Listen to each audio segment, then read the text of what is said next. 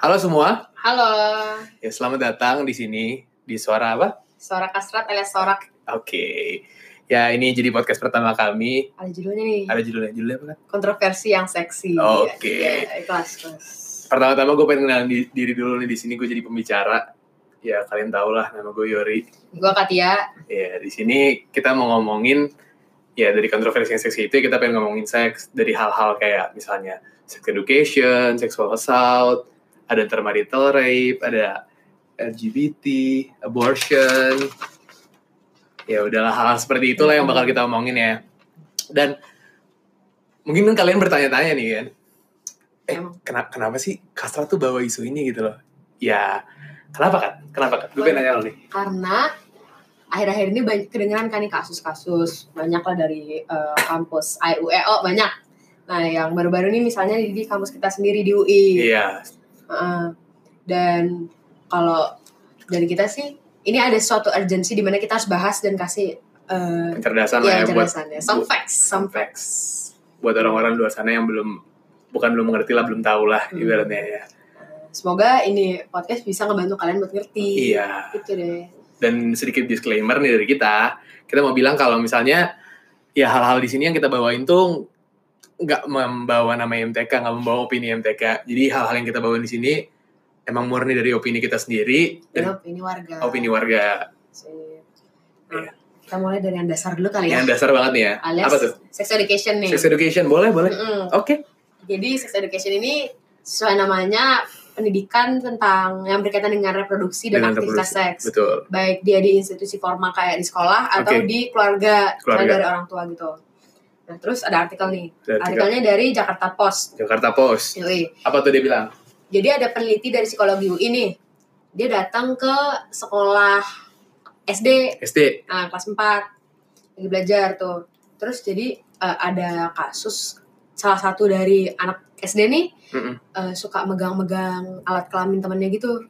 Nah, mereka masih ini masih kelas anak kelas 4 nih. Eh 10 Orang- tahun ya 9 tahun ya 9 tahun ya 9 10 tahun lah ya. 9 10 tahun Nah, masalahnya jadi mengkhawatirkan teman-teman kelas dan gurunya kayak aneh banget gitu sih. aneh banget. Nah, masalahnya dia masih bocah istilahnya. masa bocah dan kalau misalnya dika- dikasih hukuman yang berat, dikasih apa ancaman yang serius kan ya kurang membantu lah kalau menurut gue Nama- namanya juga anak kecil. gitu. Nah masalahnya ya itu dia eh, bikin concern si korbannya dan tanda kutip korbannya teman-temannya eh, orang tua teman-temannya dan orang dan gurunya sendiri. Oke. Terus ditanya kan nih si eh, psikolog ini nanya eh, kalau anak-anak SD kelas 4 ini ngerti gak sih sebenarnya? Kalau hal itu tuh nggak boleh dilakukan. Nah mereka ini sebenarnya udah ngerti tentang konsen. Dan kalau megang-megang alat kelamin orang tuh nggak nggak boleh. Nggak boleh ya Heeh. nah kayak jadi ini tuh bukti kalau misalnya mereka tuh sebenarnya ngerti kok bisa bisa mengerti kalau misalnya kita buat mereka mengerti tentang konsen dan sex eh, education ini ya dalam konteks sex education. Nah, kalau misalnya tapi konsennya tuh kayak mendasar gitu kan kayak cuma kayak ya udah eh, lu jangan melakukan ketika orang lain nggak mau nggak Hmm. mau hal yang lu lakukan itu ke dia gitu loh Iya, ngerti kan simple aja. simpel aja kayak gitu aja kan mereka setuju nggak nih setuju nggak nih kalau diperlakukan gini kayak gitu? Iya, iya. Eh, kalau misalnya sex eh, education dan konsep consent ini ditanamkan sejak dini, misalnya dari ini nih SD kelas 4 nih. Em, jadi kan dia lebih tertanam gitu kan ke lebih dirinya. tertanam ah dia lebih ngerti dia lebih terbiasa nah nanti dia grow up dia makin dewasa makin ngerti lah dia makin bisa bertanggung jawab kalau misalnya ada hal yang harus dia lakukan yang dia nggak boleh lakukan dan ada yang harus dikomunikasikan terlebih dahulu benar gitu. benar emang, emang kayak kata salah satu jurnal yang gue baca juga katanya kalau ini tuh katanya salah satu jenis sex education yang baik gue lupa dari negara mana ya pokoknya. Dia tuh bilang emang kayak ini dari jurnal yang gue baca ini Hmm. katanya emang dari 7, sampai 10 tahun tuh emang lu udah harus tahu sebenarnya alat-alat genital yang kayak yang gue bilang alat genital kayak yang tadi apa apa sih yang ngaco yang tadi misalnya kayak perbedaan gender tuh gimana gitu loh kan. Hmm, kenapa kakak menstruasi kenapa aku enggak? Kenapa mau menstruasi? Kenapa aku enggak? Di sini gue sebagai Hmm. laki-laki makanya gue bikin pertanyaan kayak gitu gitu loh. Nah, jadi yang kalau misalnya umur segitu kan dasar-dasar aja ya. yang dasar-dasar aja. Jurnal apa tuh btw namanya jurnal as. Craft. Ya, susah banget. susah banget makanya. Itu kayak dari luar-luar negeri sana Hmm. lah gue Eropa agak-agak lah kali ya. iya agak-agak kurang ngerti gue oke. Nah, jadi masalahnya Berarti kan intinya kalau dari jurnal tadi Iya. harus ada sex education dari orang tua sejak dini kan. sejak dini Nah, masalahnya orang tua di Indonesia tuh banyak yang nggak setuju. Dan menurut mereka eh, isu ini tuh tabu, isu ini tuh inappropriate dan gak harusnya diomongin. banyak sih yang bilang gitu sih pasti sih Mhm. banyak yang bilang gitu sih Kayak dari warga juga ada yang bilang gitu kalau misalnya sex education ini sebenarnya perlu dari eh, kecil tapi ya itu tabu orang tuh nggak berani ngomong takutnya isu eh, ah porno lu porno segala macam padahal itu harusnya eh, ilmu yang mendasar yang udah ada di diri eh, manusia sejak muda biar dia nanti waktu gede udah ngerti dan nggak kaget. Nggak norak lah istilahnya kalau misalnya topik-topik ini dibawa. Karena kan pasti topik-topik ini tuh topik yang mendasar yang fundamental umum dan pasti bakal dibawa terus. Yang everlasting lah istilahnya ini selalu relevan gitu. Jadi biar dia ngerti gimana cara menanggapi kasus kayak gini tuh serius tapi kan kayak gini loh. Mak- maksud dari gue tuh berarti kan yang megang peran terbesar kan selain misalnya kan kalau kita, berarti kan kita anggapnya sex education itu dari harus dari uh, institusi sekolah gitu kan Hmm, salah Sebenarnya kan- satu satu kan Hmm. tapi kan sebenarnya punya punya peran paling besar di masa-masa uh, anak-anak dari umur ya bilanglah 6 sampai 10 tahun kan ya orang tua itu sendiri kan. Mm-mm. Malah menurut gue kayak kalau dari gue sih menurut gue lebih bagus tuh kayak dari negara mungkin berikan kayak pasti namanya penyuluh bukan penyuluhan ya apa sih namanya Iya penyuluhan lah, Penyuluhan, sosialisasi lah ya. sosialisasi buat orang-orang tua gitu supaya tahu sebenarnya kan yang yang ditakutin orang tua menurut gue ada dalam kayak ngasih tahu anak-anak kayak tentang sex education tuh takutnya penyampaiannya nggak bener jadi Hmm. anak-anaknya ngang- anggapnya salah kayak gitu sih kalau menurut gue Nah, kalau dari pengalaman gue sih ada tuh buku-buku yang eh, membantu orang tua buat menjawab pertanyaan anak-anak. Gue sendiri. Jadi misalnya anak nanya, eh, kalau punya anak tuh eh, dari mana sih kok kok aku bisa lahir? oh itu itu Kayak itu gitu. itu baru pertanyaan Ah, sih kan suka anak sih so, suka nanya gue gue waktu kan. kecil juga gue nanya gitu Nah. sih ya Nah itu ada buku yang kayak bisa membantu buat menjawab pertanyaan-pertanyaan kayak gitu. Kalau menurut gue sekarang eh, banyak lah sumber-sumber kayak orang tua tuh nggak usah bingung eh, banyak sumber-sumber yang bisa diakses dengan mudah gitu lah. Nah nih, gue mau kenapa menurut gue juga ini penting, kenapa pengetahuan sex education ini penting, karena ini gue bahas suatu berita nih tentang tentang masyarakat dari Cina yang katanya emang se- dengan jumlah masyarakat yang terlalu banyak sex educationnya tuh kurang banget. Hmm. Jadi ada pasangan suami istri selama tiga tahun tuh dia mengharapkan punya anak dengan berbaring tiga tahun tuh cuma di tempat tidur berbaring berdua. Sumpah. Sumpah. Makanya, iya Gue kira itu kayak insting aja gak sih? insting ya. Tapi kan kalau emang orang yang benar-benar tidak tahu ya nggak bakal tahu nggak sih? Iya, emang ya. Iya, waktu gua waktu gua kecil gua mikir cara kita cara misalnya seseorang punya anak tuh ya ya udah kita berdoa sama Tuhan minta dan Tuhan ngasih ya udah kita punya anak gitu kan. Makanya sex Eh, education tuh penting Ini banget. kayak nikah doa jadi gitu. Jadi gitu. Alhamdulillah gitu. Iya, makanya Waduh. penting banget sex education makanya. Eh baru tau lucu banget lucu banget. Caur sumpah. Iya kan gue, kira Eh, gue kira tuh juga ya udah dari otak lo aja dari sananya ternyata emang lo dibutuhin nih sex ed kayak gini insting manusia sih sebenarnya iya gue pikir gitu soalnya ya waduh ada contoh Ada nih. contoh ada contoh banget yang konkret nih ya. Caur. Aduh, makanya Hmm. itu pentingnya bro. Nah, ini Lanjutin kan? Masalahnya nih kalau misalnya mereka udah nikah nih udah nikah nih? udah nikah nih tapi salah satu pasangannya nih nggak ngasih konsen nggak setuju bahwa Gak setuju. dis, eh, disetubuhi Marital rape ya. Ini ya. rape. Oke oke oke. Nah, masalahnya eh, banyak nih korban dari marital rape Iya. yang dia tidak menyadari kalau mereka tuh diperkosa sama pasangannya. Kayak dia nggak tahu aja gitu. Kenapa? Iya Nah. sih. Karena ya pernah dengar gak sih lu kalau misalnya istri tuh harus mematuhi suaminya. Kalau misalnya nggak lu nggak nurut tuh dosa udah gitu. pernah sih Hmm. cuman gue agak gue dari gue sih gue kurang setuju dengan hal kayak gitu ya Iya, kalau gue juga nggak setuju lah kenapa? Karena menurut gue perempuan dan dalam kasus ini istri ya, Iya. itu punya keputusan sendiri gitu. Dia punya otonomi atas tubuhnya sendiri. hak sebagai manusia ya Ah. hak sebagai manusia ah, sebagai Oke, manusia oke. kalau dia punya eh, aspirasi sendiri dia punya Hmm. keinginan sendiri yang nggak bisa diganggu gugat gitu nggak bisa diambil sama bahkan suaminya sendiri dan eh, pernikahan tuh bukan kontrak perpindahan tangan anak perempuan dari orang tua ke suami itu cuma sebagai status lah istilahnya itu Iya. nah masalahnya eh, diaja- diajarin kalau banyak yang ngajarin kalau perempuan ini harus memenuhi hasrat seksual dari suaminya. Mau kayak gimana pun tuh. Kayak yang penting lu turutin suami lu lu baringan aja gitu. Baringannya terima aja. Gue pernah dengar tuh berita di TV kayak gitu. Hmm. iya. Iya makanya.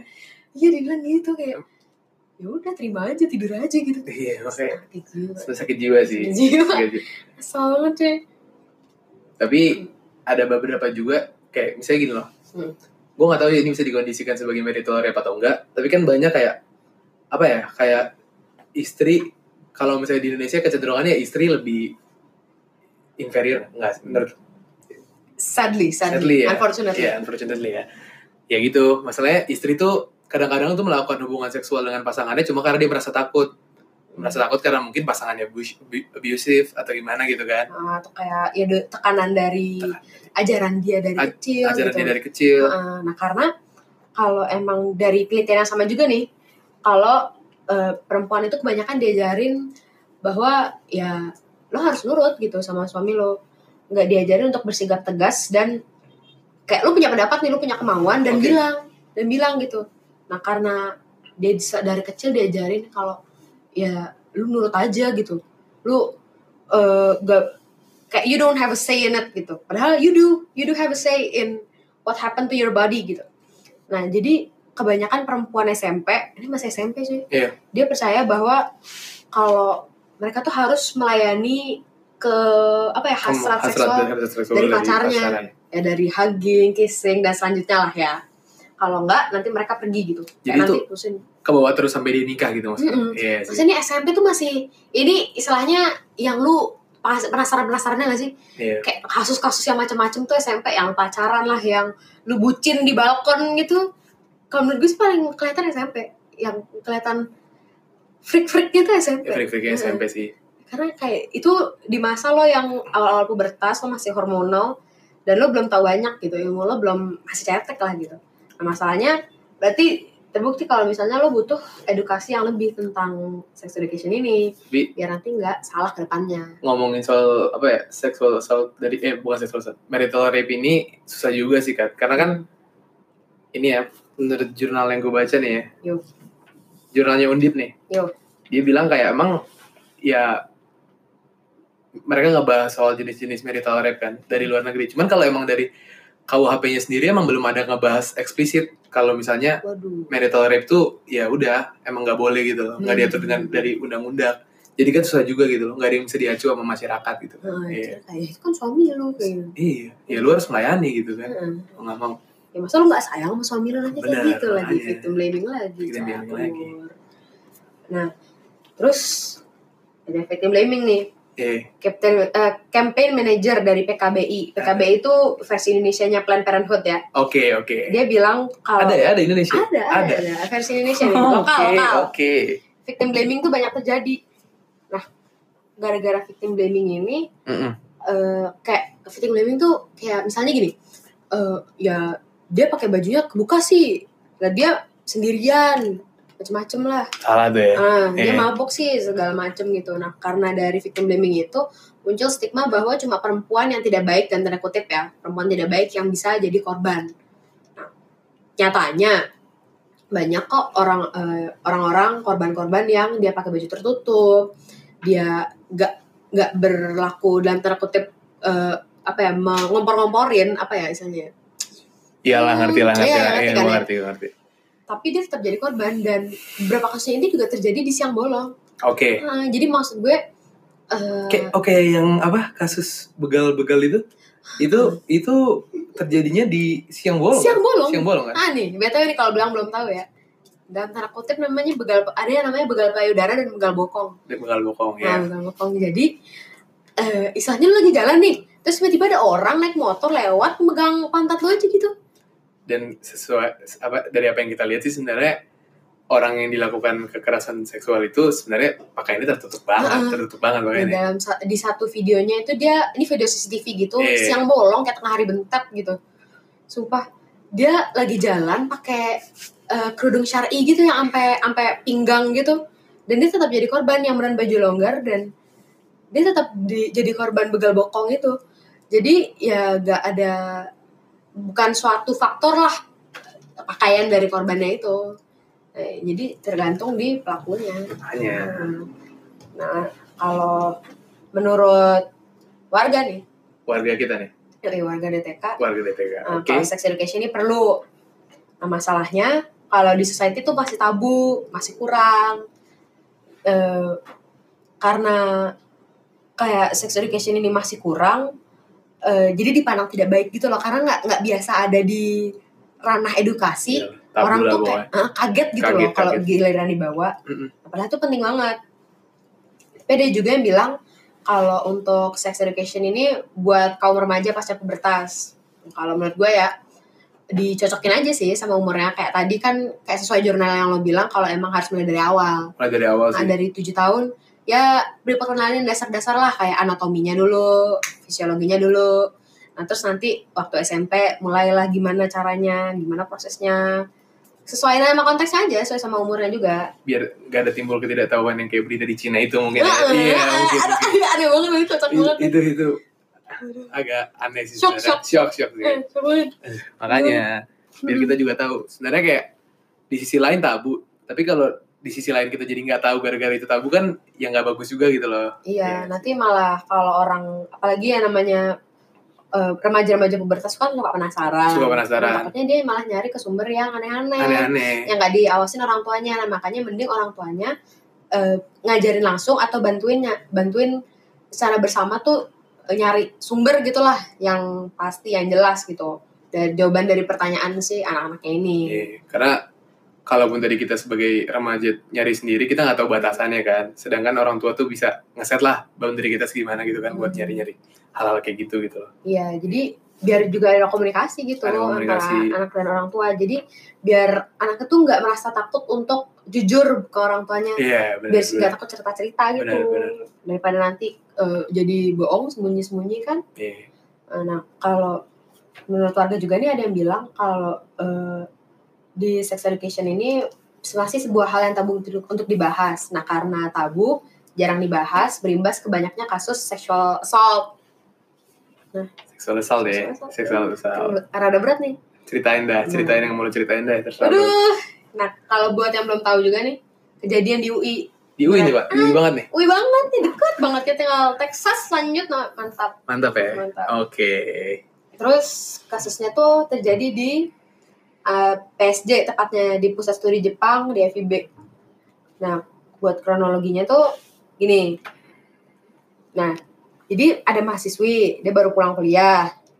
Dia uh, lewat trotoar antara FISIP dan PSG. Jadi sendirian nih. sendirian banget hmm.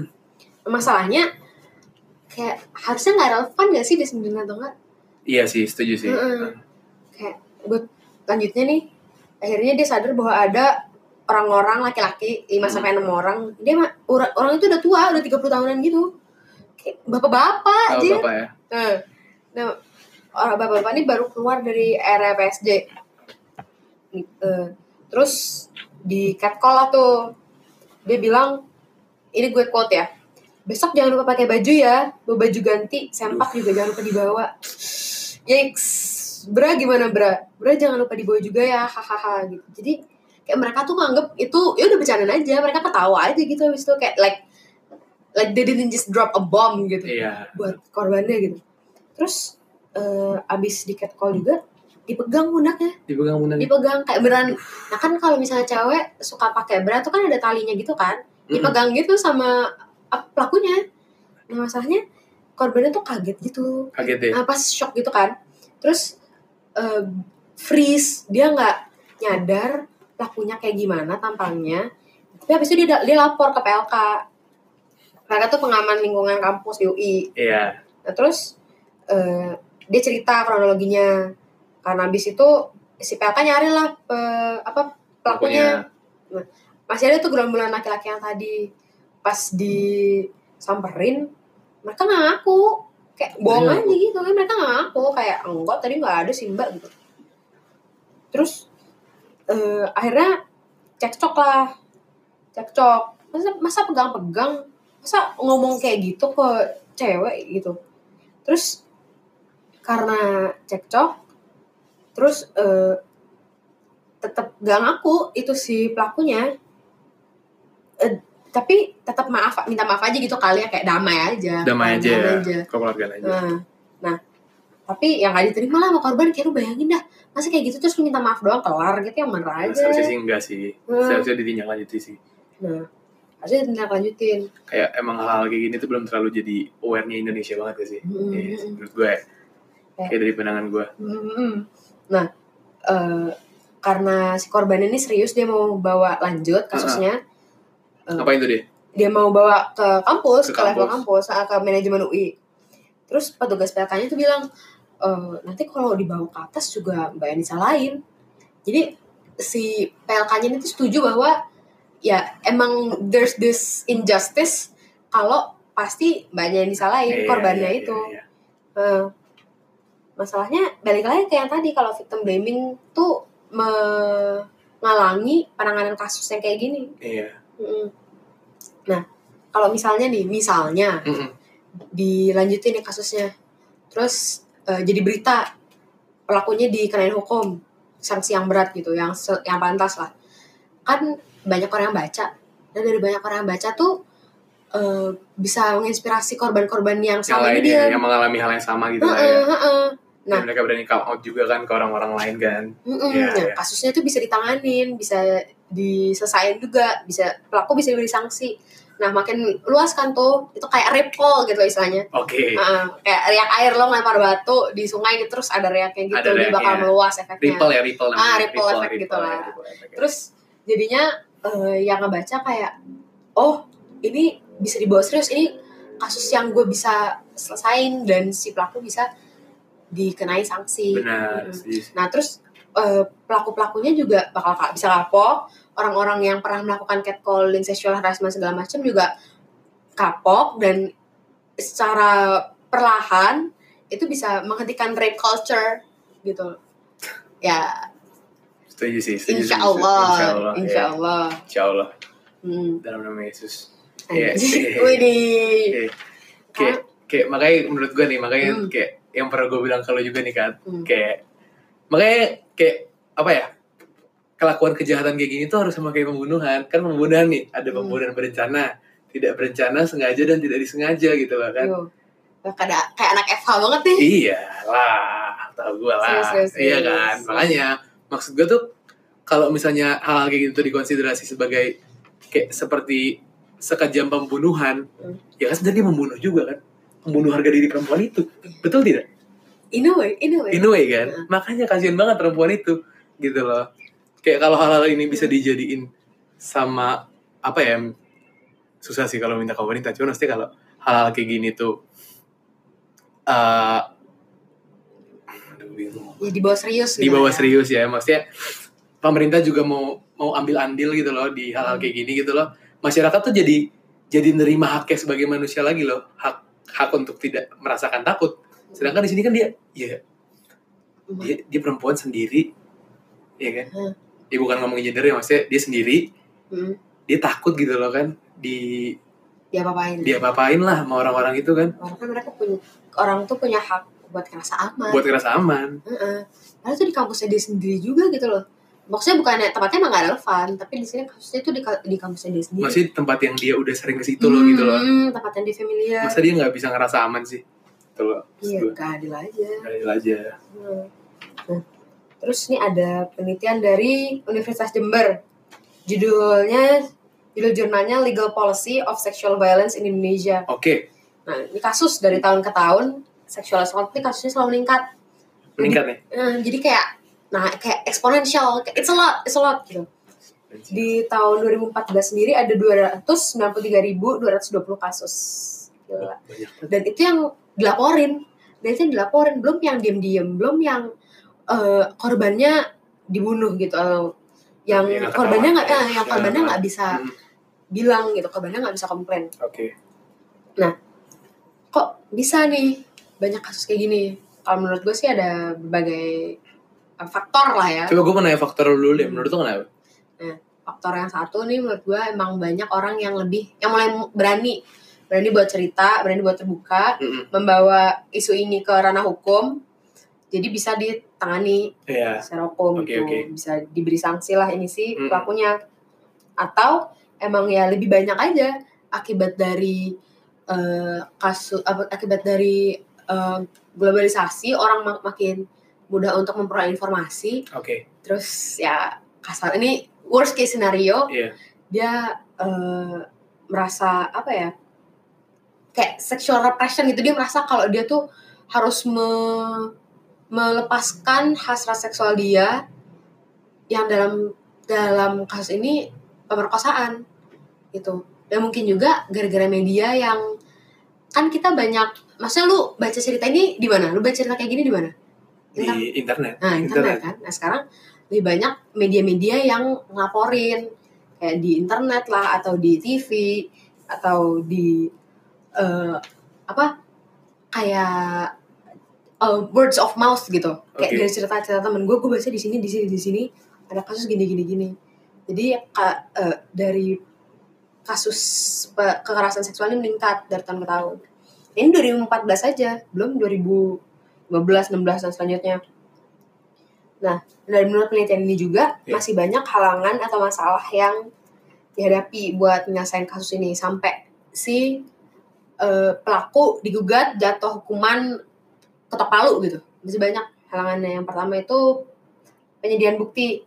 Karena kayak mirip-mirip aja kayak yang tadi. Dia tuh nggak punya bukti yang kuat bahwa gerombolan pelaku ini, gerombolan laki-laki yang tadi tuh Iya. apa ya, sexual harass, sexually harass her gitu Mm-mm. karena dia nggak ingat mukanya. Nah, dari kalimat ini mengimplikasikan bahwa kasus kayak gini tuh masih urusan privat gitu. Kalau jadi kalau gue mau lanjutin eh, harus gue harus komplain, gue harus tuntut dan gue gue korbannya gitu Iya, harus iya, tuntut iya, gitu. iya. Nah kalau misalnya korbannya udah dibunuh, Ya, makanya sih, makanya kalau korbannya nggak Iya. berani eh, cerita, kayak balik lagi kenapa dia nggak berani cerita ya gara-gara so far emang kebanyakan orang victim blaming. Hmm. Jadi dia nggak berani cerita dan bawa masalah ini karena hukum. Padahal kan emang si pelaku ini perlu diberi sanksi yang tegas. Jadi emang enggak ini gue mau nanya pendapat dulu. Iya. Kalau misalnya seseorang diperlakukan seksual assault dibilangnya Hmm. atau harassment lah ke dia, dia itu sebenarnya harusnya apa ya? terbuka aja sama orang sekitarnya atau enggak? Harusnya ya. Harusnya. Nah, harusnya cuma kayak kita juga harus sadar kayak realistis aja kalau Realistis, iya. Ah, realistis aja kalau in reality lu bisa aja disalahin di situ dan gak enak kan. Iya. masa lu udah eh, lo sexually harassed kayak gitu tuh bisa ngerasain trauma kan Trauma Heeh. PTSD lah ya gitu-gitu. Iya, ya, Pak- PTSD. ah mungkin justru ekstrimnya bisa bawa masalah mental ke, Iya. ya bawa masalah PTSD kesehatan gitu ya. mentalnya heeh. Enggak, karena dari jurnal yang gue baca juga kadang-kadang tuh seksual assault tuh yang jurnal tadi yang archive Mm. archive itu seksual assault tuh mengacunya ya kadang-kadang tuh ke itu ke PTSD itu orang-orang Hmm, jadi stres jadi timbul beberapa disorder Heeh. tapi gue mau ngasih satu contoh nih kayak ada satu orang yang berani come out bahkan ke media tuh kalau- kalau misalnya dia tuh di assault sama orang-orang. Iya. jadi itu dulu ada berita sekitar tau gue gue belum terlalu ngerti juga kayak itu waktu-waktu SD lah gitu 2010 2010 ya? Hmm. mungkin ya 2010 salah satu vokalisnya Vie- Viera yang perempuan. Iya. Iya kan dia kan tuh sempat ke- sempat kena kasus. Bukan dia kena kasus maksudnya dia sempat jadi korban eh, apa namanya sexual harassment kan. Hmm. terus dia cerita ke media dan ya udah orang-orang tadi yang nge- ngelakuin harassment itu ke dia tuh akhirnya ya udah ditangkap gitu loh Heeh. maksudnya kalau dari gua sih ya untuk takut untuk takut untuk takut buat ngomong ke sekitar lu kayak sebagai perempuan nih ya mungkin lu sebagai Hmm. perempuan nih Kat, untuk takut buat ngasih tahu sekitar lu tentang apa yang terjadi ke tubuh lu gitu loh ya kan harassment yang terjadi sama lu assault yang terjadi kepada lu gitu kan Heeh. wajar cuman kayak dari mesti Hmm. kalau gue mau ngacu pada contoh yang gue buat kayak kayak it's necessary Iya, Heeh. necessary gitu loh penting.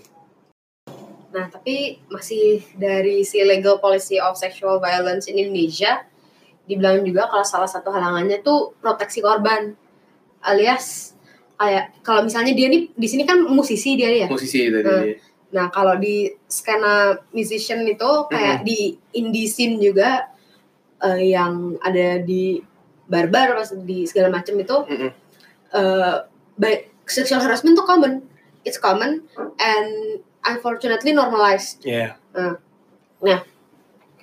masalahnya kan masih gue sering lihat gitu di Twitter kayak dia cerita pengalaman dia lagi imonite gini misalnya Iya. lagi imonite terus Oke. dia lagi dia mau ikut moshing terus dia malah pegang-pegang segala macam gitu Oke. nah terus dia malah ya gitu dia malah victim blaming terus si um, ab- si abusernya nih tahu terus makin dibully lah kayak it's a cycle gitu Iya, yang ngerti sih. Nah, makin dibully juga si korban ini. Kalau menurut warga tentang sexual assault ini, and I quote, paling sedih kalau kampus prioritas reputasi mereka dan bukan truth and justice. Kayak si UI tadi dan adalah universitas yang kita tahu lah ya tentang Iya, iya, iya, uh-uh, iya. tentang ini. Terus ada yang bilang juga kalau ini imbas dari kurangnya pendidikan seks selama sekolah. Nah, itu Hmm. ya yang dari kita ngomongin. Ya, dan Iya. jangan pernah salahin baju yang korban pakai waktu dilecehkan, salahin pelakunya. Nah, jadi balik ke victim blaming tadi. Itu tuh. Nah, masalahnya nih, worst case scenario nih. Worst case scenario nih. Eh, kalau misalnya dia diperkosa terus Hmm. terjadilah itu fertilisasi. Oh iya, Punya anak. punya anak. Gimana tuh? Oh iya, lu mau ngomongin aborsi nih pasti nih kan? Iya, oh, iya, ini iya.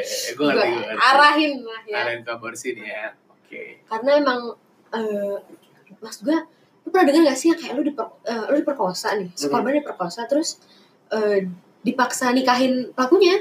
Kayak masa lu mau hidup the rest of your life Hmm. with your abuser? Anjir, Iya, makanya nggak mau juga sih. banget sih. Iya, makanya. Gila banget karena it's uh, I'm not saying it's common, but it's a possibility that I've I've heard of gitu. The the thought that it's possible itu uh, mengganggu psyche gue banget. Nah, dan salah satu dari uh, jalannya ini aborsi. Kalau misalnya itu memang terjadi. Nah, aborsi ini bukan cuma buat di sini kasus uh, case-nya bukan cuma buat korban sexual assault tapi juga yang uh, consensual sex juga. Iya. Kalau dari penelitian mengenai abortion in Indonesia dari Guttmacher Institute. Iya. Jerman nih kayaknya susah nih. Jerman ya? Eh, kayaknya. Jerman. Nggak ngerti nih gue. Oke, terus? Nih, aborsi umum terjadi di Indonesia. 37 dari 1000 perempuan pada Oke. umur 15 sampai 49 melakukan aborsi. Mm-mm. Nah, ini tuh udah di atas dari rata-rata Asia. Rata-rata Asia itu 29 dari 1000, jadi 2,9 persen. Oke. Kalau rata-ratanya, sedangkan kita tuh 3,7 persen. Jadi it happened a lot gitu, relatively it happened a lot. 17 persen dari kelahiran tidak diinginkan atau kayak eh gue pengen punya anak nih, tapi kayak tahun depan lah, tapi keburu jadi duluan gitu. Kayak gitu, apa ya namanya? Namanya apa? Ya timing kali ya, Timing timingnya ya, kurang oke, kurang cakem gitu. Oke. Nah, makanya dia aborsi. Mungkin Oke. dia belum siap financially atau eh, masih masih fokus kerja dan segala macam. Eh, 17 persennya itu buat eh, 17 persen dari pasangannya itu kelahirannya maksud gue Mm-mm. eh, milih buat aborsi aja. Aborsi aja. Hmm, banyak nih, banyak, banyak nih. Terus 66% dari pelaku aborsi itu udah nikah. Jadi eh, kalau stigma bahwa yang ngelakuin aborsi itu eh, remaja-remaja 17 tahun yang abis enak-enak Iya. terus eh, tidak bertanggung jawab terus aborsi gitu kayak em, terjadi keluar di dalam Iya. terus em, jadilah tuh Jadilah jadilah cabang bayi ya. Ah, yang Sama bayinya itu Oke. statistically invalid. Invalid ya? Ah, 66% tuh mostly udah nikah. Dan 90 sembilan- dan 19% masyarakat kota dan 17 7% masyarakat desa itu klien aborsi. Dari dari pasangan yang tadi tuh maksud gue dari 66% tuh. Jadi eh, mostly emang masyarakat kota sih emang ya. Nah, dari 19% dan 7% ini menggunakan alat kontrasepsi.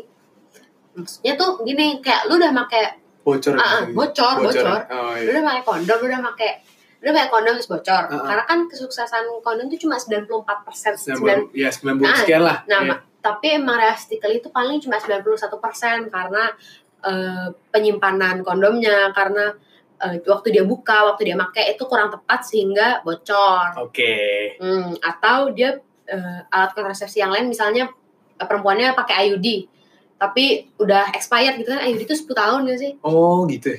Oh, gue gak tau sih. Iya gak sih? Kayak eh, dia tuh ada masa expired lah itu istilahnya. Terus dia lupa gitu. Karena kan itu lama itu kayak bertahun-tahun gitu. Jadi lu udah lupa terus udah nggak nggak bisa nggak bekerja dengan baik terjadilah itu. Eh, karena ini is a real case. Kayak I Ini guys know uh, I know some I know this thing happen Iya, gue gue juga gue juga gue juga pernah denger nih. Udah lah, gue pernah denger dan pernah baca lah ya suatu kasus nih. Jadi desas-desus yang gue dengar tuh ada kasus dua pasangan nih. Aduh Iya, kasus. masih remaja lah, masih ya kayak kita kita gini lah masih di kuliah gitu kan. Terus mereka memutusin mereka pacaran nih. Yo. Gini ya, ya kayak tadi yang diomongin ketergantungan kalau lu ngasih pacar lu seks mungkin mereka ngerasa gimana gitu-gitu kan. Ya Mm. udahlah dikasih lah seks gitu kan. Dan mereka tuh emang biasa uh, mereka tuh biasa ngelakuin hubungannya itu secara intercourse gitu kan. Iya. Dan yaudah gue nggak tahu ini beruntung atau tidak beruntung ya pokoknya timbul lah kalau misalnya pokoknya mereka tuh nggak tahuin kalau wanita ini hamil tuh setelah eh, cewek tuh kalau nggak mens berapa bulan hamil gue nggak tahu gitu pokoknya dia dia dia nggak mens lah. Ah, ah, dia ah, nggak ah. mens kan berarti kan di cycle dia dia tuh di dikategorikan kan hamil kan berarti kan Nah, masalahnya kayak kalau buat ini intermezzo ya. Iya. Kalau em, menstrual cycle tuh suka nggak nggak stabil gitu loh. stabil ya Ah, kayak misalnya biasanya kan orang misalnya empat minggu nih empat Iya. minggu sekali. Eh, eh, terus tiba-tiba dia kayak enam minggu nggak mens gitu, 8 minggu nggak mens. Dia Hmm. paling kayak ah paling hormon gue lagi, gue lagi stres nih, gue lagi apa nih? oh ngefek ya Ngefek ngefek. oh, Jadi kayak eh, lu maksudnya otak lu tuh nggak nyampe kayak anjir gue hamil gue hamil gitu. Suka maksudnya it's it's a normal thing kalau misalnya menstrual cycle tuh suka nggak stabil. Iya. Nah karena kan telat suka telat nyadar deh tuh. Telat nyadar, telat nyadar ya. Heeh. Tapi kan mungkin kalau ini kan gue dengar cerita kan, jadi Iya, ya gue nggak terlalu tahu kan. iya tapi Terus kenapa yaudah. tuh? Dia ke dokter lah kan, Eh, pakai yang alat itu lo tau kan yang ke perut, USG, USG. USG tuh yang pakai gel Hmm. itu, Iya. ya kan. Terus cek ada jadiin bayi, terus bingung lah mereka kan. Pulang nih, pulang, Hmm. pulang. Terus dia, dia dia diskusi lah berdua sama pacarnya, gimana nih gitu kan. Terus ya udah mereka PT-PT buat bayarin pengukurannya itu dan pengukurannya itu nggak nggak kayak yang kalian bayangkan gitu loh. Kalau misalnya kayak cuma diambil terus nggak tahu lah gue kan sebenarnya aborsi itu gimana. Cuman kalau mereka tuh katanya takutnya gini loh, ketika mereka ngaborsi itu buangan dari dari bekas-bekas bayinya itu masih ada. Jadi itu biasanya itu diambil. Jadi kayak di dalam masih di dalam dalam itu tuh ditusuk-tusuk dulu biar mati, meninggal kan Eh, dikeluarin terus ya udah biasanya tuh karena takut ketahuan polisi lah ketahuan orang gitu di blender biar udah gak ada bekas oh, itu janinnya. janinnya kan karena karena udah udah Up. masih lunak gitu kan Hmm. hancur tuh kan kalau di blender Gila banget, gila banget sih. makanya Gila banget, gila banget. Mohon maaf nih, gila banget gue. makanya gue bisa bayangin gila banget. kayak gak tahu sih kalau dari gue tuh kayak ya buat orang-orang yang melakukan MBA juga dipikirkan dulu gitu loh Mm, Iya kan? mm, mm. Padahal tapi tapi kan kalau di kasus ini sebenarnya yang lebih banyak menghasil- melakukan aborsi orang-orang yang udah Iya. udah udah tua ya Iya udah nikah. udah nikah ya Heeh. Saya kan mungkin kalau pemikiran dari anak-anak kuliah tuh gimana mereka bisa bertanggung jawab gitu kan. Itu Nah, itu juga sih kan yang susah. pasti mereka lah yang susah kayak mereka belum punya income sendiri. Iya, Mereka belum eh, mandiri lah in harus come out ke orang tua dan lingkungan kan Mm, susah, mm, ke saudara gitu kan. iya. Iya. Nah, Terus ada lagi nih. Kalau jadi 38%, Ah, ah. cuma 38%. 38%. Nah, jadi nggak nyampe setengah prosedurnya itu dilakukan secara aman. Nah, namanya ini uh, prosedurnya itu vakum. Jadi ya janinnya di ya di vakum gitu dari uterusnya. Nah, caranya ini eh, salah satu cara yang aman. Nah, masalahnya cuma 38%. Nah, 38% ini nggak dinyatakan bahwa dia ini korban pemerkosaan atau dia eh, consensual sex ini nggak tahu nih. Oke, oke. Nah, nama- jadi mayoritas pelaku aborsi itu dari cara yang tadi Ah. Eh, terus ada nam pijatan khusus. Jadi ada apa mid midwife bidan. Bidan yang ngasih eh, service buat eh, ngegugurin bayi. Nah, caranya Oh, itu dipijit gitu nggak ngerti dah. Kayak dipijit Mungkin kayaknya gugur gitu. nggak tahu sih kayak menurut gua keamanannya tuh sebanding sama harganya gitu mungkin ya, mungkin ya. Eh tapi buat BTW harga nggak nggak murah-murah juga. Nggak. Jadi macam-macam. Kalau tradisional itu bisa dari 7000 7000 doang bisa. Nah, tapi kalau bisa buat eh, dokter privat nih, dokter yang ilegal in this um, pemahaman itu ilegal, dia buka praktek 1,8 juta buat aborsi. Dan kayak, Berarti uh, itu mungkin yang kayak gue ceritain ya, yang ilegal kayak gitu ya. Soalnya kata teman gue sih kita uh, uh, uh. kalau kata uh, yang Sumber, di sumber gue gitu yaitu sekitaran 2 juta lah Wah. iya Uh. 2 juta gitu maksudnya maksudnya i- walaupun ini lu mau punya uh, income sendiri atau enggak itu gede sih. Gede. eh, it it it can make a dent in your Iya, bank. Iya, benar sih, Nah. benar sih. dan jadi buat yang tujuh ribu nih jadi ada yang pakai magic. Jadi literally there are there's a small Dukun gitu? percentage. Iya dukun dukun. Oh, kayak namanya witch doctor aja gitu dukun dia buat kayak kasih jampi jampi gimana biar itu gugur. Nggak tau udah berhasil atau nggak.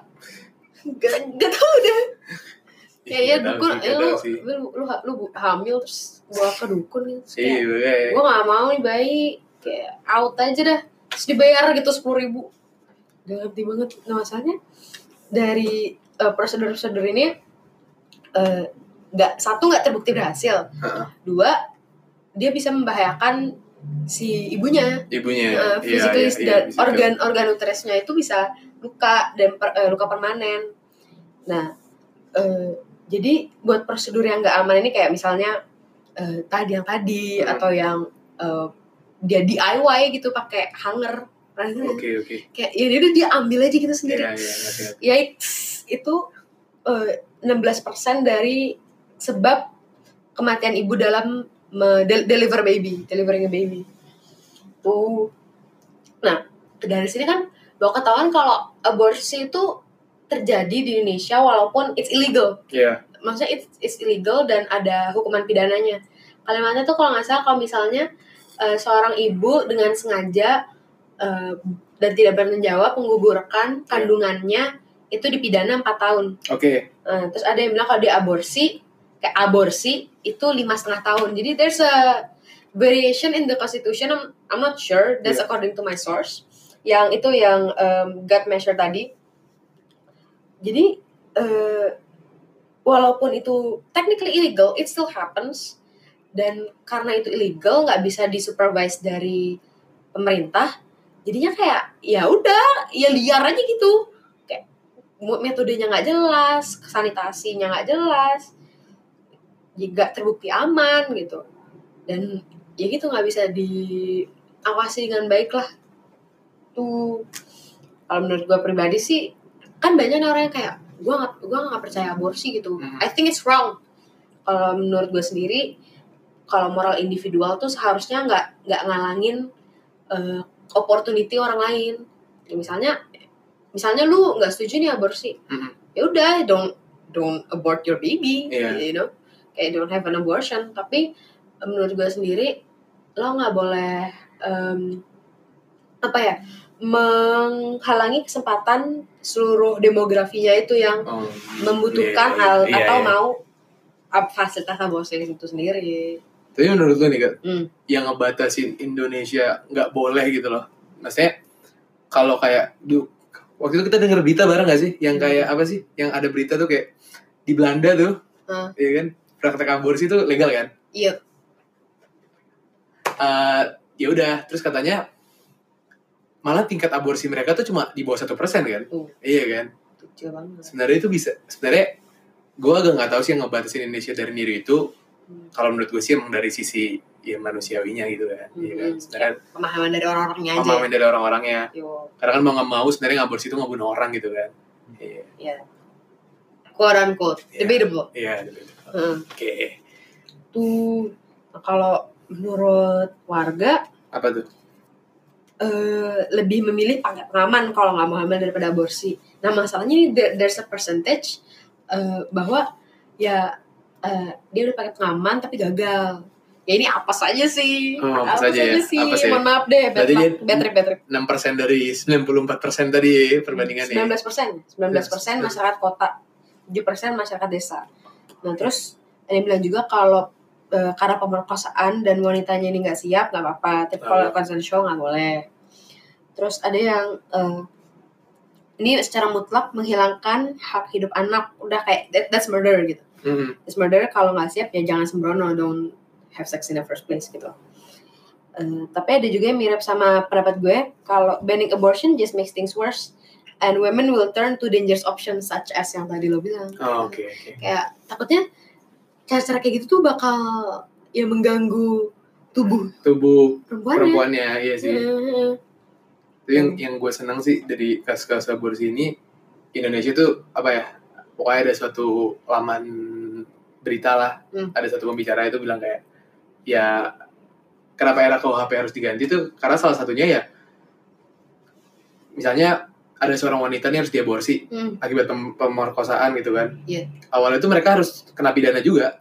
Padahal itu walaupun walaupun itu mengganggu medis mereka, tapi sekarang udah diatur. Oh, Jadi itu kalau misalnya eh, aborsi yang dilakukan kalau nggak di- kalau aborsi nggak dilakukan mengakibatkan medis dari ibunya Masalah medis. masalah medis ya nggak apa-apa. Maksudnya ya udah diaborsi aja, yang penting ibunya sehat gitu loh. Hmm. Iya kan. Tuh maksudnya ya, bagus juga. Cuman yang jadi masalah sekarang kan mungkin yang kayak eh, misalnya ada perempuan diperkosa, dia sebenarnya nggak ingin bayinya itu Hmm, itu hmm. kan gak ada, nggak ada peraturan yang ngatur kalau misalnya bayinya itu boleh diaborsi atau enggak gitu loh Iya, iya. kan Eh, Kayaknya mirip-mirip nih kalau ada yang bilang kalau menurut dia boleh dilakukan kalau ada kejadian tertentu berarti kayak tadi kayak ya. tadi ya iya makanya Tadi. Tapi kalau kalau menurut gue pribadi sih it's uh, bodily autonomy of the woman. oke Iya. Iya. Kayak they should have that choice. If you think it's wrong, don't have it. Iya, iya. Simply don't have it. Hmm. Kalau menurut gue ya. Nah, ada lagi topik terakhir nih. Topik terakhir Aduh, aduh, apa nih? Kayak, kayak Anget nih, paling, seru nih, paling seru nih. Yang ini nih, yang ini nih. Yang mana tuh? ini nih.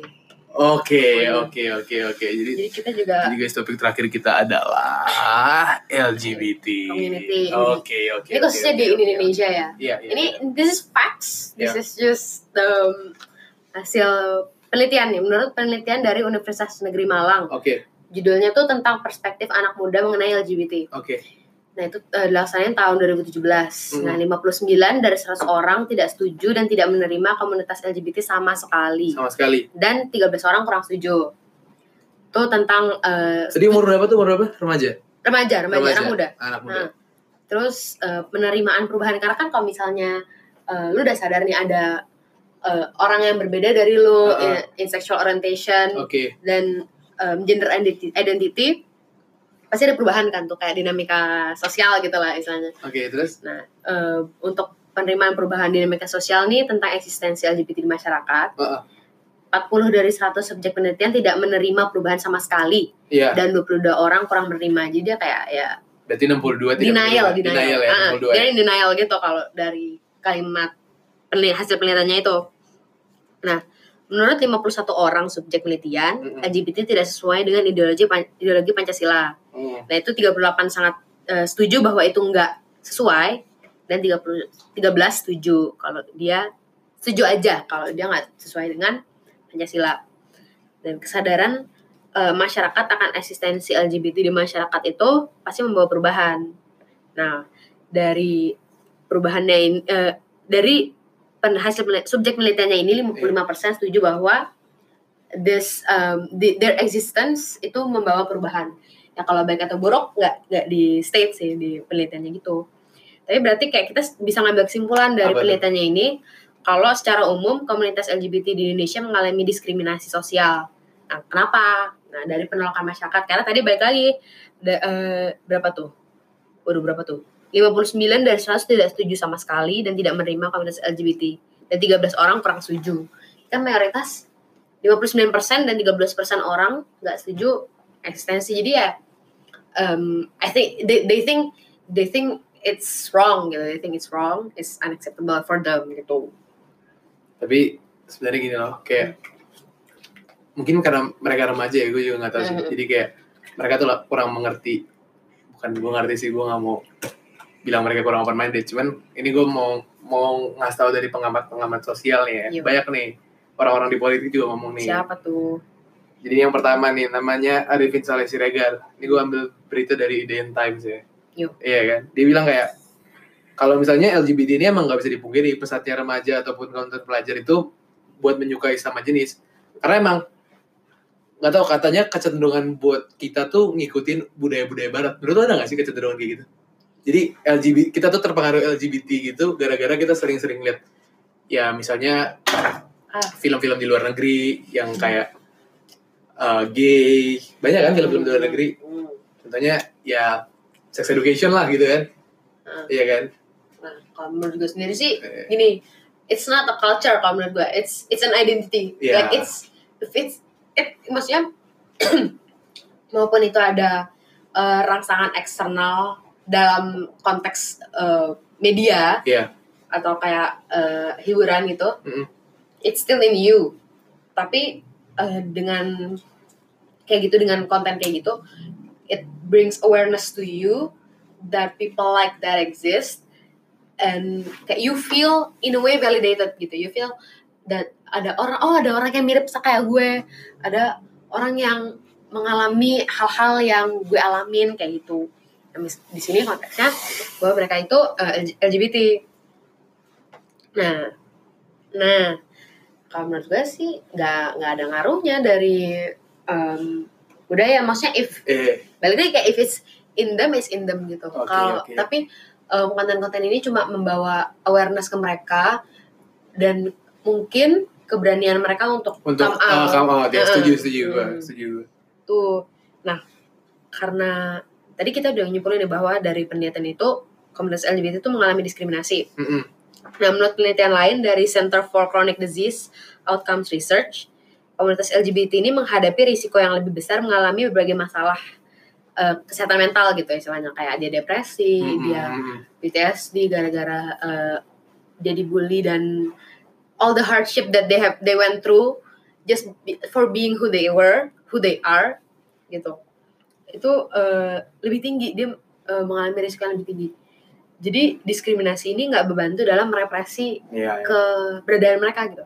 nggak soalnya kalau yang gue dengar sih kan kayak Hmm. lebih sering tuh bilangnya gara-gara mereka punya apa ya ke- kesehatan mental yang terganggu malah mereka jadi LGBT gitu Nah, loh padahal ya. kebalik cuy, padahal kebalik, gitu. kebalik. diskriminasinya yang ngebuat mereka Jadi jadi Iya. stres Kayaknya ini pernah ada di, gue pernah lihat tweet kayak gini, gue pernah lihat kayak gini tentang itu jadi ada eh, orang dia ngasih dia bikin thread panjang, Panjang. gitu, dia bikin thread panjang.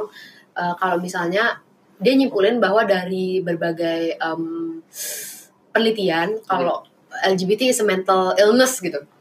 Padahal kebal- eh, kebalik dan di konfirmasi sendiri sama penulis artikelnya sendiri, Iya. penulis penelitiannya, eh, pelaku penelitiannya sendiri bahwa itu kebalik. Sebenarnya maksud dia tuh eh, karena dia LGBT, dia mengalami diskriminasi, maka they have mental illness gitu.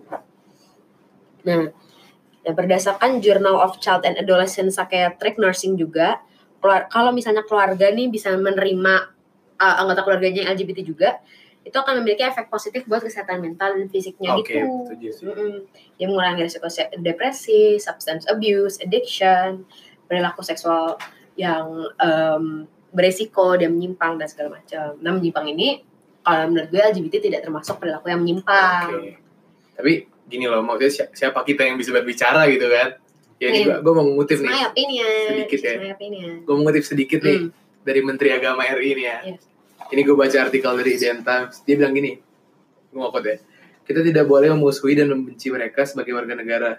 Hmm. Tapi emang di lain sisi itu kita nggak boleh membenarkan gerakan LGBT yang menggeser nilai-nilai agama kita gitu loh. Hmm, kalau menurut gue mirip-mirip sama abortion tadi sih, karena kayak eh it's your moral values gitu kan. Iya. Kalau agama itu it's your moral values, lo nggak bisa mengatasdasarkan moral values untuk menghalangi eh, hak orang lain. Nah, ya benar Nah, benar. eh, benar. hak orang lain jadi warga negara. Benar. Nah, tapi masih ada yang kayak mereka juga eh, masih dapat hak yang sama kok kayak kita. Iya. Nah, tapi ada nih kasus dari berita ini berita dari Bang- Bangkok Post. Mm. Beritanya dari 2019 eh, do- November. Jadi sejumlah kabinet pemerintah Indonesia tuh melarang pelamar kerja LGBT. Mm-mm. Dan di sini tuh namanya Attorney General's Office atau kantor kejaksaan. Dia bilang eh, ini dalam ini kata-kata mereka ya. Mereka eh, bilang menerima pelamar kerja yang normal dalam tanda kutip. Nah maksudnya tuh non LGBT gitu. Nah padahal di sini tuh udah melanggar undang-undang Apa nomor tuh? Undang-Undang nomor 13 tahun 2003 pasal 5 mengenai ketenaga kerjaan yang kalimatnya gini. Apa tuh? Setiap tenaga kerja memiliki kesempatan yang sama tanpa diskriminasi untuk memperoleh pekerjaan. Iya. Mm, Kayak uh, kata Menteri Agama juga kita nggak boleh membenci kan. Kita nggak boleh mendiskriminasi Iya, katanya. kalau misalnya if you think it's wrong ya, ya benar maksud gue. Ya, Ya, you, di, we agree to disagree lah. Oke, Uh, we iya, agree to iya. disagree karena uh, their their identity to me, Mm-mm. their their identity uh, doesn't make them less human, and they still deserve rights. I think, yeah, I think. Iya. Tapi Udah? One period. There's one period. Udah deh. Ya. Lu enggak lu masih mau ngomong lagi ya? Gue udah agak Ya udah lah ya, udah ya. Udah Kita- gitu, ya, ya, gitu, gitu, ya. gitu. Ya udah. Uh, jadi Tidak kita mau bilang aja guys. Jadi ini sekian aja lah Hmm. dari Eh disclaimer dulu, disclaimer, disclaimer, lagi. disclaimer lagi nih. Ah, Lu deh yang ngomong, tadi gue nah, ngomong. disclaimer kalau misalnya ya di sini tuh eh, kita nggak mengatasnamakan IMTK, ini cuma pendapat dari kita berdua dan eh, dari warga-warga juga. Iya, iya. Oke. Biar tidak ada salah-salah paham gitu. Mhm. Tapi lu mau bikin summary gitu atau apa? Hal-hal terakhir yang mau lu Ya, sampein, saran gitu. Ini yang dari tadi gue omongin kan gue sering banget ngomongin dari Ah, iya, iya. kayak um, your own moral values shouldn't uh, apa ya prohibit someone else's to someone prohibit someone else to enjoy their rights to have their rights. Hmm. Dan uh, sex education is an important tools uh, buat ya mengedukasi war masyarakat dan in in a certain pace dia untuk mencegah sexual assault, sexual assault gitu. Boleh gue tambahin? Ya boleh banget. Eh, kalau dari gua sih cuma gue cuma pengen bilang Hmm. kayak dari pengaturan kita sebagai hak hak asasi manusia ya udah kita tuh sebagai manusia ya udah kita punya hak untuk nggak merasa takut gitu kan Hmm. untuk merasa nyaman aman ya kan makanya dari sisi-sisi yang tadi sexual assault uh, discrimination ke- kepada orang-orang LGBT Hmm. terus mungkin buat orang-orang yang mau aborsi tapi mereka takut buat come maksudnya buat come out keluar gitu kan buat cerita keluar gitu kan Hmm. Yaudah itu doang sih dari gua Iya, iya. lu mau nutup atau gua? Ya udah berarti sekian dari kita. sekian dari kita sampai jumpa jangan Di lupa dengerin Episode selanjutnya. oke